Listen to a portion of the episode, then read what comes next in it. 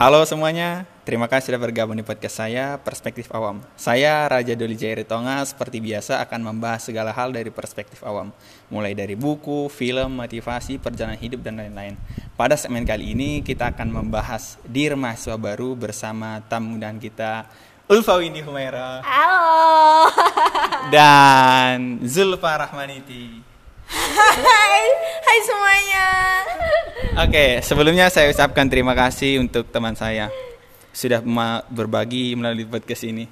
Oke, uh, seperti tema kita pada hari ini yaitu terkait dengan diar mahasiswa baru. Mungkin dari mbak-mbak yang di depan saya ini mau berbagi atau istilahnya sharing terkait pengalamannya sebagai seorang mahasiswa. Jadi ngeri ngeri ngeri ya uh, mungkin setidaknya nanti pengalaman-pengalamannya bisa dibagi.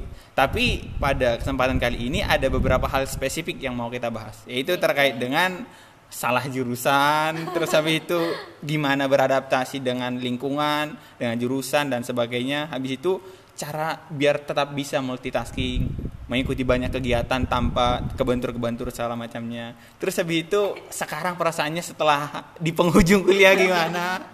Nah, habis itu yang terakhir nanti pesan buat adik-adik. Iya, uh, mungkin langsung aja ya. Kayak yang pertama biar kita nggak molor waktu. Jadi uh, yang pertama ini terkait dengan salah jurusan. Jadi saya dengar-dengar nih, saya dengar, saya nggak tahu aslinya gimana. Jadi saya dengar-dengar yang di depan saya ini Mbak Zulfa sama Mbak Ulfa itu salah jurusan atau istilahnya yang basicnya A tiba-tiba kuliahnya B salah macam. Ya mungkin uh, bisa berbagi lah. Mulai dari Mbak ini dulu Mbak Ulfa Windy Humaira ini. Ya aduh bingung nih mau ngomong apa. Serius. Tapi kalau misalkan salah jurusan, ya bener sih, nggak nggak nggak salah lagi memang, memang bener salah. Tersesat di jalan yang benar iya, ya. tapi saya tersesat di jalan yang benar kok, bener. Jadi e, kalau dibilang saya jurusan, iya dari saya SMA-nya itu jurusannya IPA. Wih, geri anak IPA, matematika. IPA, beneran IPA. Dan dan ini dan kalau sekarang kan sekarang kuliahnya di hukum Islam kan kita bareng-bareng di hukum Islam. Nah, notabene e, agama lah gitu kan. Jadi ya kalau salah jurusan ya salah banget. Yang biasanya megang angka sekarang cuma megang tulisan. Ini bisa kok bisa nyampe ke hukum Islam? Ceritanya gimana mbak dulu iya jadi dulu kan ya namanya sekolah negeri kan apalagi anak IPA jadi pengen tuh lulusnya SBMPTN saya nggak oh. nggak nggak pengen SN karena tahu nilai lah. Tahu lah pada kepada kemampuannya. Berarti nggak terlalu pinter-pinter amat ya pak? Ya, ada ya, SMA lah. ada SMA lah gitu. Jadi kan mau masuknya SBN semua jurusan tuh IPA semua. Ini fakir ini. IPA baru kan memang apa ya memang dulu uh, apa ya, passionnya memang banyak ke lapangan. Oh. Jadi memang ngambil jurusan yang memang jurusan lapangan kayak gitu. Dulu saya ngambilnya PWK. Apa itu, Coba-coba Mbak anak anak madrasah nih iya, coba coba coba. Pemetaan wilayah. Oh. Nah, gitu. Terus sama saya ngambil kartografi. Kartografi itu ya lebih kayak geografi tapi lebih kayak pemetaan jarak jauhnya gitu. Wah, menarik menarik nih. gitu.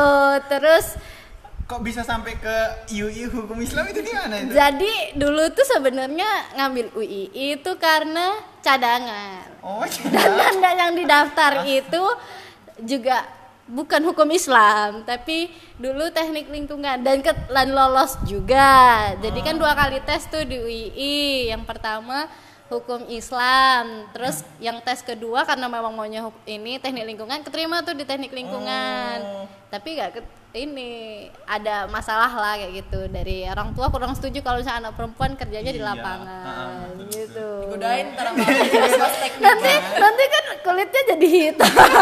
betul betul betul. Kalau untuk ini Mbak Zulfa sendiri gimana? Ini manggilnya Zulfa apa PT aja? Yang akrab aja lah ya. Sayang. Soalnya kalau jangan ya. Nanti ada yang cemburu. Soalnya gini, kalau misalkan Zulfa Ulfa saya kadang ini belibet. Iya. Namanya hampir sama. Berarti saya panggil PT tadi Iya. ya. Iya. Bahasa Mbak, Mbak, iya, Mbak PT gimana? Kok bisa nyampe di hukum Islam? Padahal dulu pengennya ilmu di komunikasi ya. Iya sebenarnya. Iya. Cerita dulu. Sebenarnya itu bukan dari salah jurusan juga nggak ngerti sih kenapa itu tiba-tiba udah datang aja surat edaran Universitas Islam Indonesia keterima dong. Jadi yang daftarin tuh kakak saya diem-diem kayak gitu. Karena saya dulu memang memang apa ya di pas SMA itu ngerasa kayak ya masih main-main sih memang masih notabene main-main nggak ada keseriusan. Jadi saya orientasinya cuma pingin pokoknya Kuliah. Pokoknya Jogja kayak gitu. Jadi pokoknya apa pun tuh Jogja nggak mau nyoba sama sekali di mana-mana. Jadi akhirnya saya coba Jogja, ya biasalah nggak lolos kan ya belajar aja enggak kayak gitu kan dulu. Jadi saya tahu diri ya. Akhirnya juga, juga.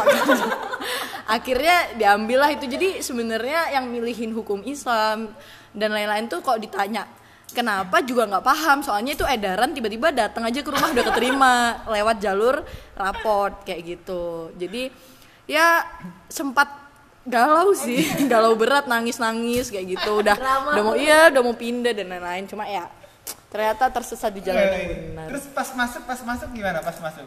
pas masuk tuh udah nyiapin itu mungkin kejadian juga nih Mbak Ulfa. Jadi saya bawa buku SBMPTN pokoknya gimana caranya tahun depan tuh udah pindah gitu aja.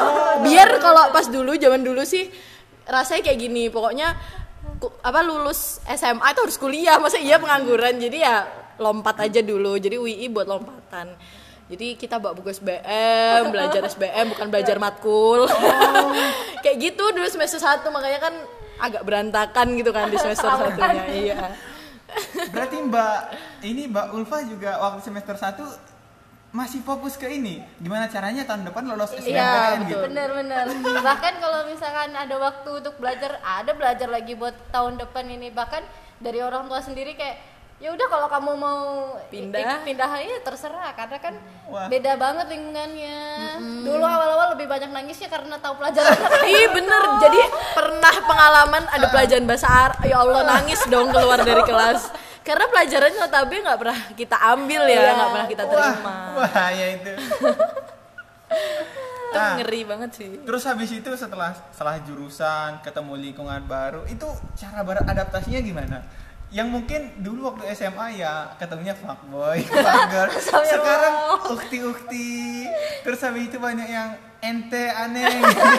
gimana? Gimana itu? kalau dulu kita untungnya ya waktu pertama kali waktu apa keterima di ini di UI kan kita ada punya grup tuh. Napas banget ya aku sama PTT dapat ini temennya deketan dari awal. Jadi Oh, dari awal udah kenal? Heeh, sebelum masuk sebelum catering sebelum ada panggilan dari kampus itu kita udah udah berteman dulu udah jalan bareng udah nu bareng kayak Lewat gitu IG sih sebenarnya Ya, Jadi kan buat kalian maba-maba itu let's check out. Jadi GG kampus itu kan biasanya kayak ada nge-mention kalian jurusan apa nih? Nah kita tuh kayak SKSD di situ Oh. buat dapetin teman. komen-komen gitu Intinya jangan inilah ya. Hmm, jangan malu. Iya, jangan jaga image. Apalagi kok kalian anak rantau kan, mau sama Ah, siapa lagi kok punya betul, teman-teman. betul, betul. Nah, itu kan terkait istilahnya lingkungan, teman baru, segala macam. Kalau misalkan terkait dengan adaptasi mata kuliah itu gimana?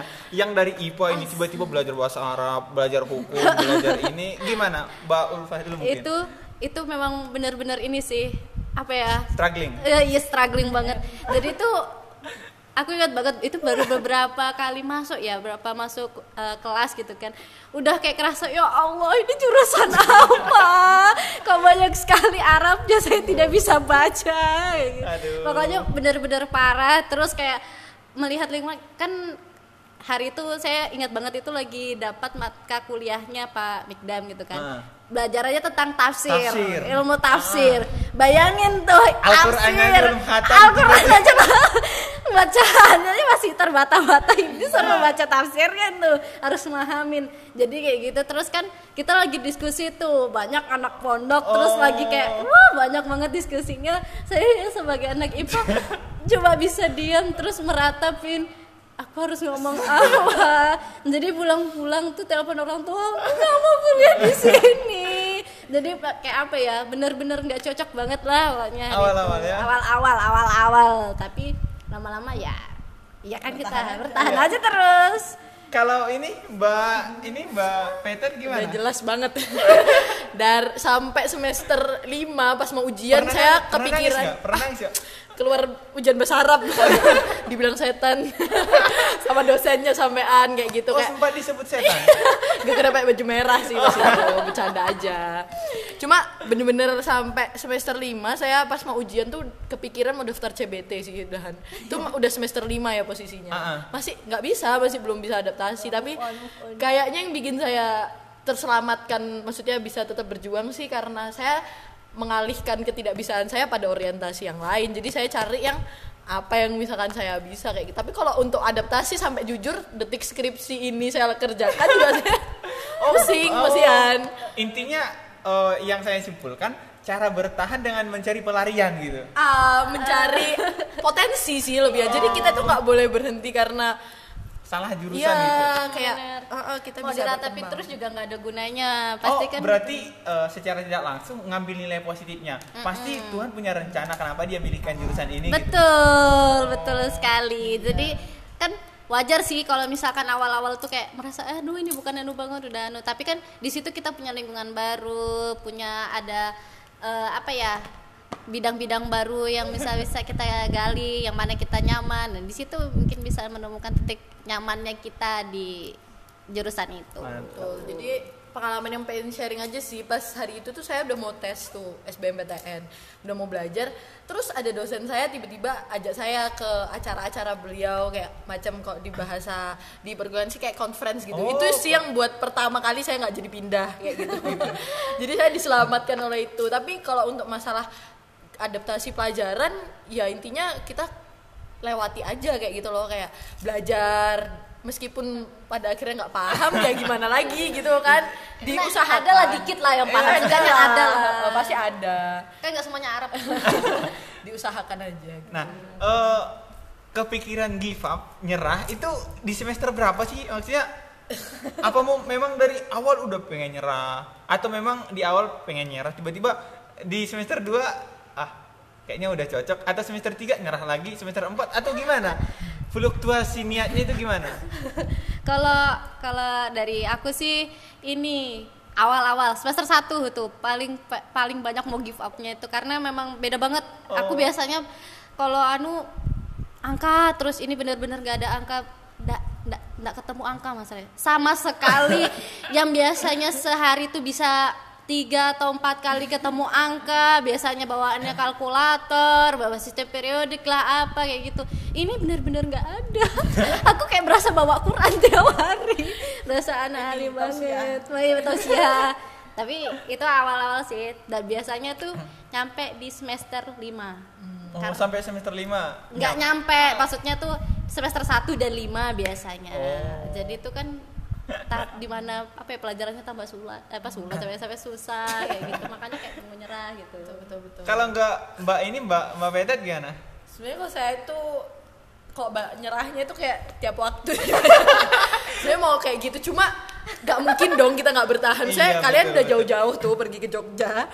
Terus apa kalian cuma udah nyerah nggak jadi apa-apa kayak gitu kan? Itu yang saya pikirkan. Jadi karena saya merasa nggak bisa di situ jadi tiap masuk matkul tuh sebenarnya saya udah nyerah rasanya Jarang masuk. iya itu udah kenyataan Saya dengar-dengar jarang- suka tea, Mbak.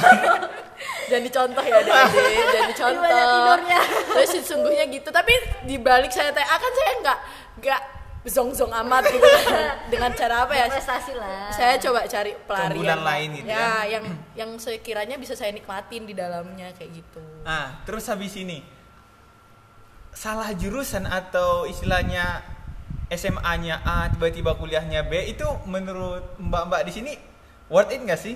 Aksinya pilih jurusan maksudnya nggak sesuai enggak tetap bertahan di pilihan yang salah itu worth it nggak sih? Apa kalau misalkan merasa salah mending lari atau misalkan ya udah bertahan aja pasti ada hikmahnya atau gimana gitu? tergantung sih itu kan tergantung dari kita bagaimana menghadapinya bagaimana kita eh, apa ya penerimaan kita terhadap salah kejurusan itu terus bagaimana kita beradaptasinya. Kalau misalkan dia udah udah mencoba terus masih tidak menemukan titik nyamannya ya buat apa? Dilanjutkan kan Nah kalau kita mu- mumpung aja dapat aja gitu kan, ya pas banget lah gitu kan. Berarti saya simpulkan nggak bisa digeneralisasi ya? Iya, Jadi, relatif. ah, relatif. Setiap Iya. individu, setiap ini beda-beda ini. Iya beda-beda. kadang kan orang kuliah tuh mau cari oh memang mau jadi apa gitu kan kalau saya merasa pas kemarin saya kuliah ternyata saya ini selama kuliah nih saya membeli pengalaman dan lingkungan kayak gitu Oh. jadi saya membeli suatu lingkungan yang tidak Ah. saya dapatkan saya rasanya bersyukur kayak coba saya di Jogja terus gak dapet lingkungan ini bisa jadi apa ya, Ya, gitu. betul. jadi Ah. kalau yang saya merasa salah jurusan harus bertahan adalah karena saya membeli lingkungan dan pengalaman. Tapi ketika ada orang yang pengen memang kerjanya di passion dia ya lebih baik dia segera pindah. Jangan berlama-lama terus udah tua pindah. Itu namanya durhaka. Nyusahin. betul betul. Intinya dipastikan dulu oh, maslahatnya ketimbang mudaratnya Iya, besar mana gitu ya. betul sekali. Misalkan pindah atau bertahan gitu.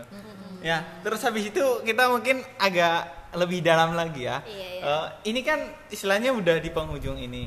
Terus habis itu saya dengar-dengar, saya nggak tahu nih benar apa salah. Salah waktu waktu Mbak Ulfa kuliah, waktu Mbak Petet kuliah itu aktif betul. Mulai dari kepanitiaan ikut, terus habis itu organisasi internal ikut, eksternal ikut, terus habis itu yang di bawah birokrat juga ikut. Itu ceritanya gimana itu? Kok bisa banyak banget? Mbak Ulfa dulu mungkin cerita-cerita dulu gimana? Aduh, bingung. Itu tuh Gab, sebenarnya gabut. gabut sih ya malah sekarang kangen tahu yang kayak gitu Oh. jadi kalau dulu tuh jadi kalau semester 1 tuh memang fokusnya memang ini sih adaptasi. Adaptasi jadi kayak oh lihat ini kayak mana nanti sistem pembelajarannya gimana nih gimana terus kayak kuliah itu gimana sih. Nah terus eh, kalau di semester 1 dua itu kita lebih banyak ikut relawan. Iya. ya kan? Nggak ikut. Yang Pancasila. Relawan ngajar. Itu ngajar astagfirullahaladzim kok Pancasila itu lain itu itu sisi gelap gemah sisi banget. gelap. iya. Ini Mbak Mbak ini Mbak Petet gimana? Kok bisa terjun di banyak kegiatan? Ya iya sama kayak Ulfa kan sebenarnya saya sama Ulfa itu perjalanannya Oh, hampir sama. sama. Circle-nya, iya, circle-nya dekat ya. Apalagi dengan organisasi kita udah hampir sama plek-plekan cuma bedanya mungkin saya ada tambahan di luar, si Ulfa juga ada tambahan lain di luar. Oh, gitu ya. Itu tuh berawal dari karena merasa ketidakcocokan kita akan mata kuliah sih. Jadi kita janganlah jadi mahasiswa yang gitu-gitu aja, Iya. pengennya kayak gitu lebih berkembang. Ba- Walaupun kuliah pun bayangin sehari paling banyak kuliah berapa matkul empat ya biasanya. Empat. itu pun masih banyak jeda-jedanya. Mau ngapain? Masa pulang kak? Pulang ke kos terus tidur. Sia-sia gitu. Sayang masih muda tapi Iya, tidak produktif eh, ya. tidak produktif. Apalagi kita di tempat rantau kan. Nah betul. Dan rasanya pas kita ikut organisasi itu kerasa banget sih. Maksudnya manfaatnya. Maksudnya kal- kalau kalian kita saranin sih, gak apa-apa kalian tuh capek dan hal-hal lain. Yang penting ya seimbang lah. Minimal kalau kalian TA kalian tahu tempat TA yang baik. TA-nya kalau kalian yang baik lah.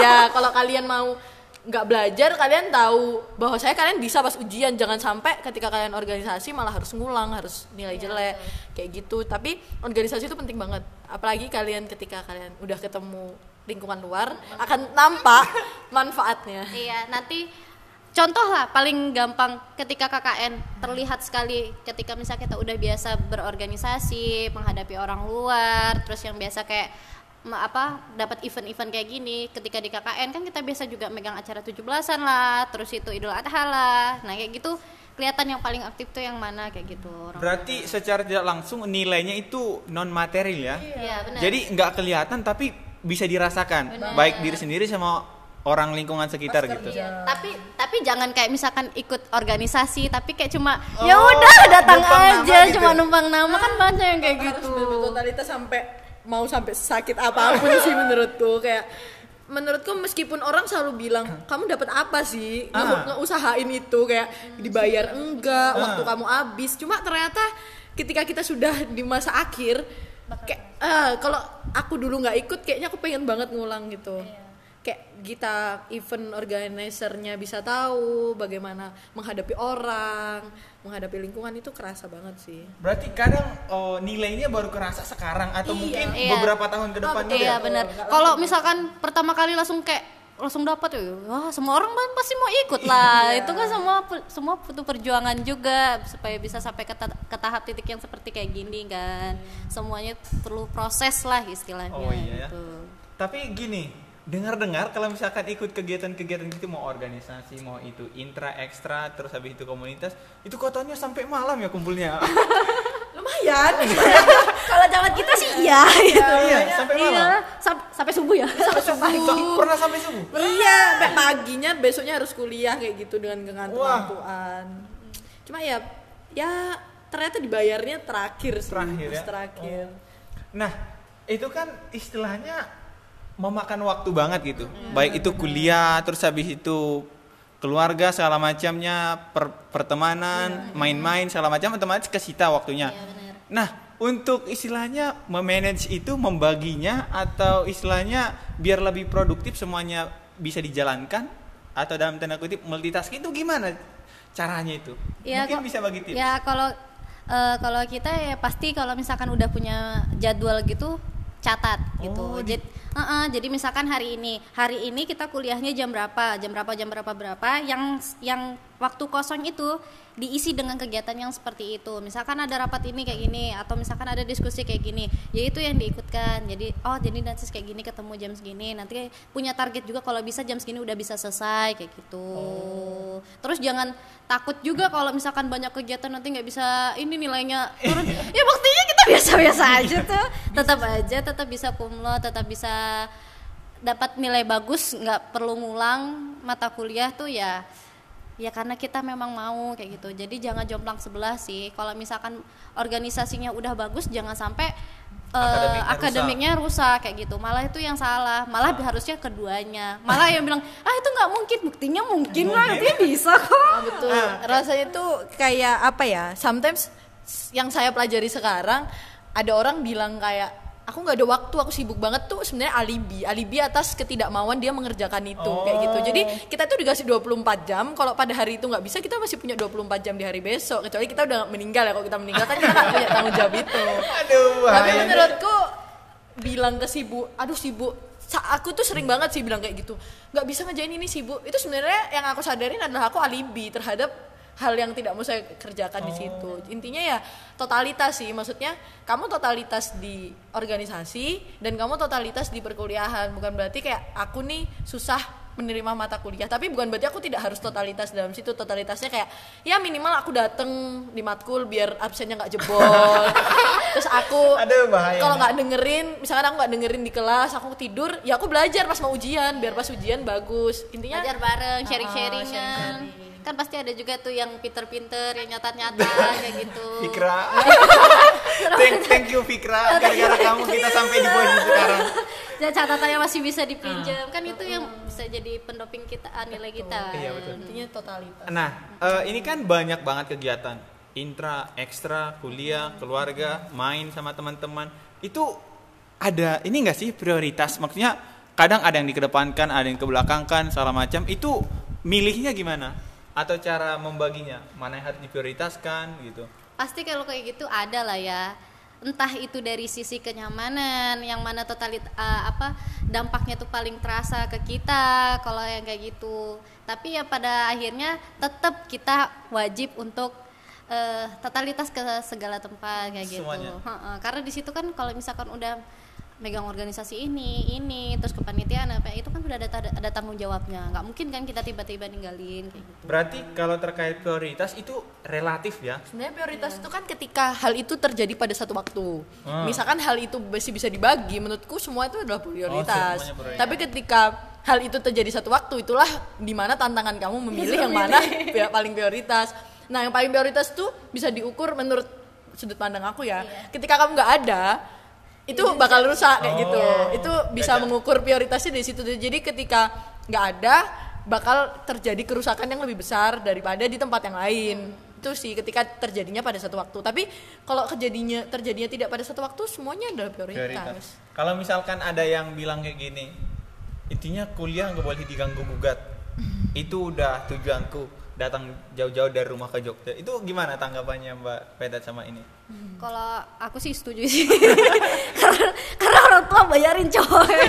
kalau tadi aku kalau aku pakai biaya duit sendiri ya nggak masalah. Masalahnya nih orang tua mereka biayain aku ke sini.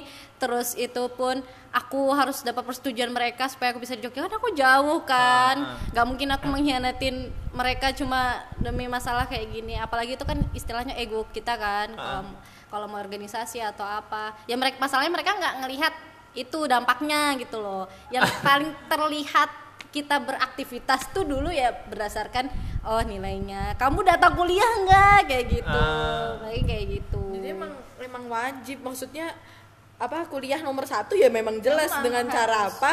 Tapi kan kuliah bukan berarti dia nomor satu tidak ada nomor satu yang lain. Gitu. kita tidak menomor duakan si kuliah tapi kita membagi si nomor satu itu dengan bagian. Nomor satu tapi bisa keselip keselip Iya, yang lain dicabangi. ah ini sama rata Iya, sama rata. peringkatnya sama.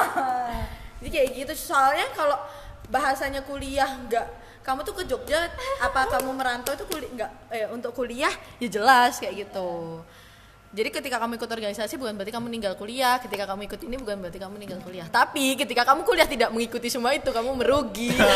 Betul sekali. Berarti rugi banget ya kalau misalkan kuliah cuman istilahnya Rugi banget. kuliah habis itu pulang kuliah pulang. Tapi kalau misalkan dia kuliah habis itu kerja atau habis itu ada aktivitas lain mau itu futsal mau itu apa salah macam itu no problem Nggak ya apa-apa, no itu problem tuh meningkatkan skill kan? Meningkatkan skill walaupun dia kuliah habis itu pulang tapi ngedit atau apa Iya, itu nggak apa-apa. mantap ya. Ya kan dia berkarya tuh. Berkarya. Yang masalah itu mungkin habis itu kuliah tapi main iya. tanpa esensi. Iya. Heeh, tapi kalau pulang, misalkan main. kubin-kubin kuliah bucin kuliah bucin. Ya kalau ujung-ujungnya bapaknya punya perusahaan terus dia melanjutkan perusahaan itu nggak apa-apa. Tapi dalam pengelolaan perusahaan itu kalian butuh pengalaman dong Iya. di masa muda. benar. walaupun bapak kita sultan itu benar. harus tetap berkegiatan ya? Kan tetap nanti berhubungan Ah, dengan ah. orang kayak gitu. Gimana emang dia perusahaannya perusahaan sama robot? Kalau kalian mau bucin mah saranku bucinlah bersama-sama pada Ah, kegiatan yang baik dan benar. Kayaknya pengalaman mbak Eh, nggak ada pak. Intinya istilahnya eh, mau bucin kayak mau apa istilahnya proporsional lah Iya. tahu porsinya mungkin minggu sore atau kapan lah gitu Ya, Bapak- ajaklah bucinanmu iya. organisasi. ya masa bucinnya tiap hari jalan tiap hari nonton ya Allah sayang banget Iya, eh, kita udah ngomongin itu tadi, mulai dari jurusan, adaptasi, habis itu kegiatan-kegiatan. Mungkin eh, ini apa namanya bicarain terkait dengan sekarang aja.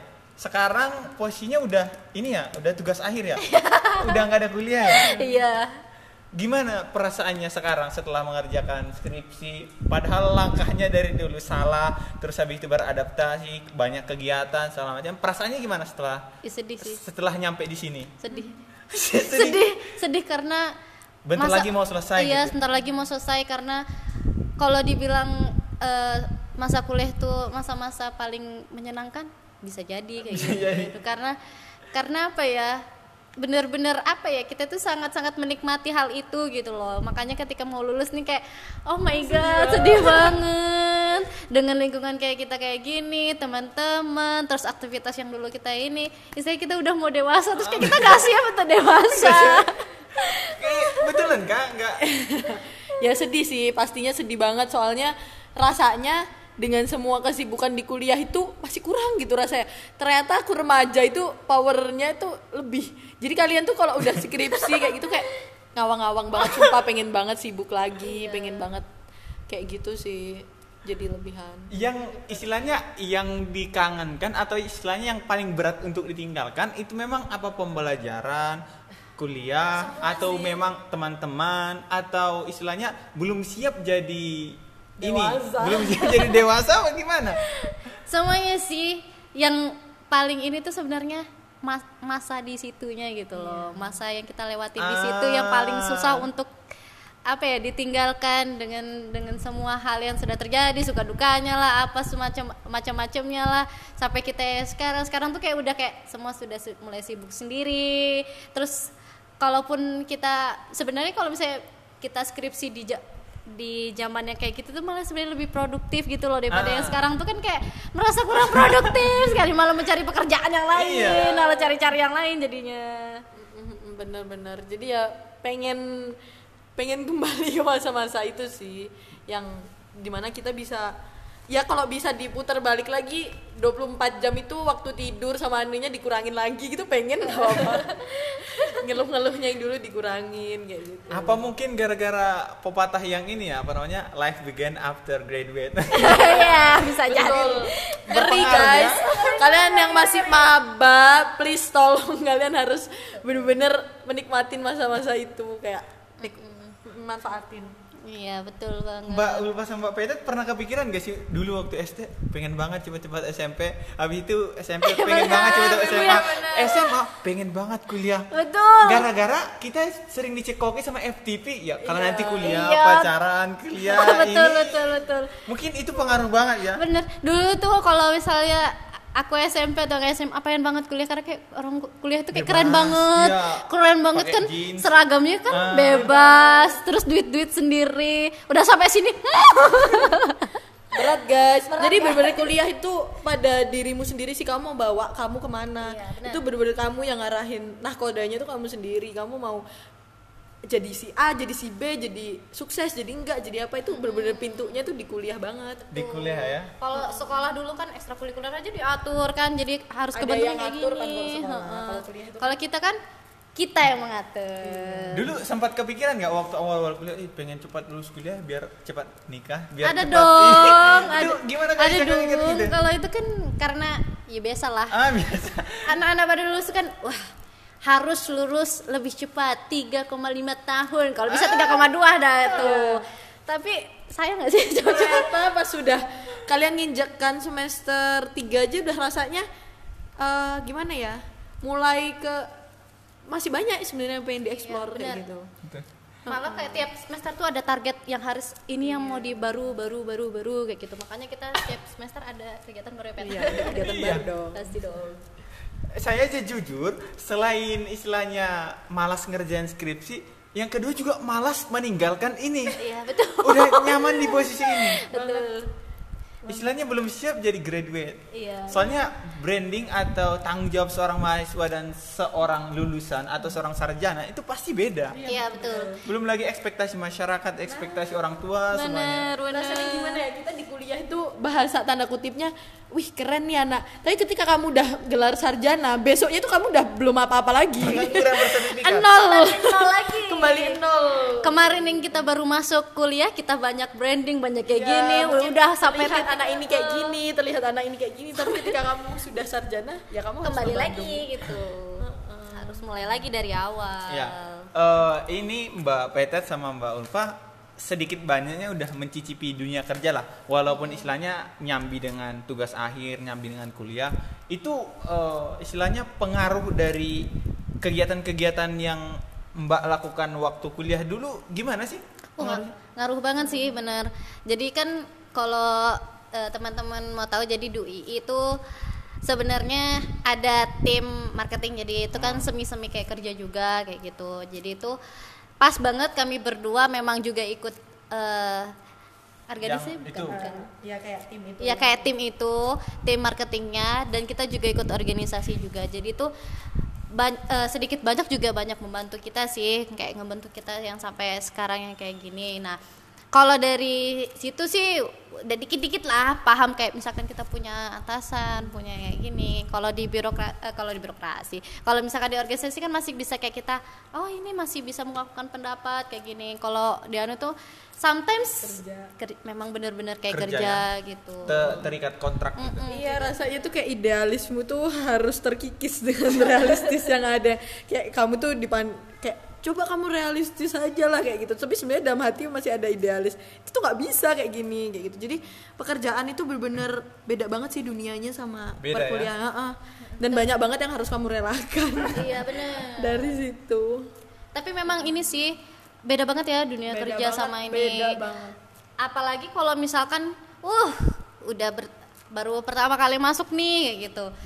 Ya kita memang biasanya ikut magang ya. Kalau magang kan bareng-bareng teman Ah, kan. bareng ada teman. ini bayangin lu menghadapin dunia pekerjaan cuma sendirian. Stres, beradaptasi tanggung jawabnya Heeh, udah atas punya- perusahaan kan. Mm, udah punya tanggung jawab sendiri. Itu yang bikin kayak wah ternyata emang beda banget sih. Tapi dampaknya banyak sih kalau dulu karena kita udah biasa menghadapi orang baru bagaimana kita kayak gini bagaimana caranya kayak menyikapi ketika misalkan bosnya lagi kayak gini terus kita harus bersikap ketika misalnya kita buat salah gimana nah itu yang yang didapat sih Iya sebenarnya betul. Jadi sekarang ngerasainnya sekarang kenapa? Karena dulu kan kita kalau di organisasi pernah lah ya ketemu ketua yang Ah. nyebelin, ketemu ini yang ketemu ketemu misalkan dosen-dosen yang tentang acara kita dan lain-lain itu tuh rasanya belajar banget buat kebawa ke pekerjaan. Jadi gimana kita lebih calm ngadepinnya. Jadi nggak gerusak gerusuk kayak sakit hatinya tuh banget terus gerusak gerusuk aku pengen keluar dari kerjaan ini gitu. karena bosnya ini kayak gini tapi nggak lebih ke kepala dingin oh orang kayak Istilahnya, gini tuh giniin oh, aja. Udah terbiasa dengan tekanan-tekanan gitu ya. Itu makanya pentingnya organisasi dan Nan- nanti kegiatan bakal kampus. bakal dapat kunci-kuncinya menghadapi orang yang kayak gitu. Tapi itu bukan kayak oh cara menghadapi orang kayak gini, tapi bagaimana kita udah mengalaminya dulu tuh. Jadi udah Berarti punya harus dialami juga. Iya. Empiris ya. Bener dong. Masa tiba-tiba cuma kayak ya datang kayak gitu terus ngerti. Hmm. semua butuh Butuh prosesnya. pembayaran yang Nah, Tapi yang penting tuh bisa ningkatin banyak tulisan di CV sih. perpanjang CV, berarti ya. tuh penting guys Bener banget. Mantap memang. Nah, eh, istilahnya ini kan perjalanannya udah panjang. Salah jurusan lah, beradaptasi lah harus, terus habis itu mengikuti banyak kegiatan lah, kerja sampingan, udah di akhir kuliah segala macam. Pernah nggak sih istilahnya ngerasa mau ngasih reward buat diri sendiri istilahnya ternyata aku udah nyampe sini ternyata aku udah berjuang sejauh ini apa istilahnya perjuangannya apa masih kurang atau segala macam Iya. Karena ya kita istilahnya masih di permukaan juga gitu kan. Masih di permukaan. Mm-mm. Yang kemarin-kemarin tuh mungkin eh, sampai daging-daging tapi yang bukan inti kehidupan yang sebenarnya gitu. Masih, masih ada panjang. eh, masih ada perjalanan. rasanya tuh kalau mau dibilang kan banyak orang ambis pada pada hal yang part-part berbeda ada yang Ah. ambis sama pelajaran ada yang ambis kalau aku tuh lebih ambis ke masa sih aku cuma segini doang kayak gini Oh. kayaknya masih bisa lagi deh coba kita pergi ke tempat yang lebih jauh pergi ke tempat yang lebih tinggi kayak gitu Betul. kan nggak mungkin selamanya kita di tempat yang sama malah kita kan perlu berproses agar kita menjadi yang lebih baik gitu kan Betul, istilahnya kita betul. naik kelas lah masa kita Ah. kelas kita di situ-situ aja pasti pengen lah naik kelas di tahap yang selanjutnya sebenarnya rewardnya terhadap diri sendiri ya sambil berjalannya itu Sambil Iya, benar. perjalanannya. Mm-mm, itu kamu pantas lah memberikan reward sedikit iya malah kan rewardnya nggak perlu repot-repot ya kayak kita bisa belanjain untuk diri sendiri Oh, terus facial gitu. gitu-gitu Facial, jalan-jalan. Jalan-jalan. Heeh. ngabisin waktu sama teman keluarga gitu. Malah ya. kadang ada waktu yang khusus diri kita sendiri me time lah kayak gitu. Mungkin kadang-kadang kalau mungkin kita terlalu luang waktunya kita kadang bingung mungkin ya. Atau mungkin terlalu sering bareng keluarga terlalu sering bareng teman itu malah bosan gitu. Bener bener. Porsinya sih. Oh. Berarti mau nggak mau harus tetap sibuk ya biar produktif gitu ya sebenarnya relatif sih kayak gitu sibuk gak sibuk kan tergantung orang menurut menurut Iya. mereka ya sibuk itu Relatif produktif ya. kan ada juga orang yang sibuk banget tapi tidak tidak ngapa- tidak menghasilkan Iya. apa-apa kosong Iya, lompok betul. saya pernah mengalami itu juga Banyak. kayak sibuk banget tapi ngapain aku dari tadi gitu sok sibuk kayak gitu betul kesannya. betul berarti saya simpulkan eh, menurut mbak apa Ulfa sama mbak Petet sekarang nih eh, baru istilahnya kalau saya analogikan ya itu baru buka pintu gitu. Pintu menetas. masa depan gitu. Belum kelihatan tuh masa depannya baru buka pintu gitu. Gitu Oke, Oke, jadi setelah perjalanan panjang segala macam, ini mungkin ada inilah eh, tips and trick atau pesan-pesan istilahnya buat dedek-dedek kita. Mau maba mau siapa pun istilahnya yang mendengarkan ini nanti. Istilahnya mau ngasih pesan apa buat mereka? Kalau dari aku sih eh, semua itu pasti ada hikmahnya gitu kan. Mau salah jurusan mau kita kesandung masalah lah apa itu pasti ada sisi hikmahnya. Penting bagaimana kita bisa punya banyak kacamata bukan kacamata kacamata beli ya tapi bagaimana kita melihat sesuatu tuh dari sudut pandang yang berbeda kayak gitu. Jadi kalau misalkan kita melihat oh dari sudut pandang kita tuh yang kayak gini kita cobalah pahami dari sudut pandang yang dari sana itu apa manfaatnya kayak gitu bagaimana mereka menghadapinya. Jadi tuh kita tidak hanya berpikir dalam salah satu alur aja tapi banyak kayak gitu. Nah dari situ kita mulai bisa terbuka terus masih apa ya bisa memantaskan diri kita itu dengan cara-cara yang lebih baik kayak gitu. Nah, salah satunya ya kayak gitu. Makanya aku nyuruh kalian harus organisasi. harus, Harus, tetap harus. produktif. Harus Harus, tapi tidak boleh nilainya turun. Ngulang tuh pantang loh. Dapat B min, dapat C itu nggak apa-apa asal tidak ngulang. Ini Mbak Kalau saya ya. kan tadi udah diambil bener banget. Ah, jadi ka- semua ambil dari kacamata kalian gimana sih menyikapi tapi kok pesan dari aku sih kayak totalitas terhadap sesuatu. Jangan timpang sebelah jangan eh, merasa ini yang lebih penting ini yang lebih penting. Bahwa saya semua itu penting ketika kamu sudah masuk ke dalam itu. Jadi totalitas lah di dalamnya. Kayak kamu totalitas organisasi kamu totalitas kuliah kamu totalitas bekerja. Misalkan kalian kamu menaruh totalitasmu di semuanya pasti kamu akan tahu bagaimana kamu bagi waktunya bagaimana kamu memberikan yang terbaik di dalamnya. Kayak gitu sih Iya, Lebihan. jangan lupa untuk mencoba hal baru. Jadi setiap semester tuh pasti punya tantangan tersendiri. Kalaupun kalian udah punya kayak, ah aku pengen kerja, aku pengen kayak gini, walaupun aku belum lulus, tapi ikutin ini kalian apa keinginan kalian, tapi dibarengi dengan usaha. Jangan kayak Om Dodo.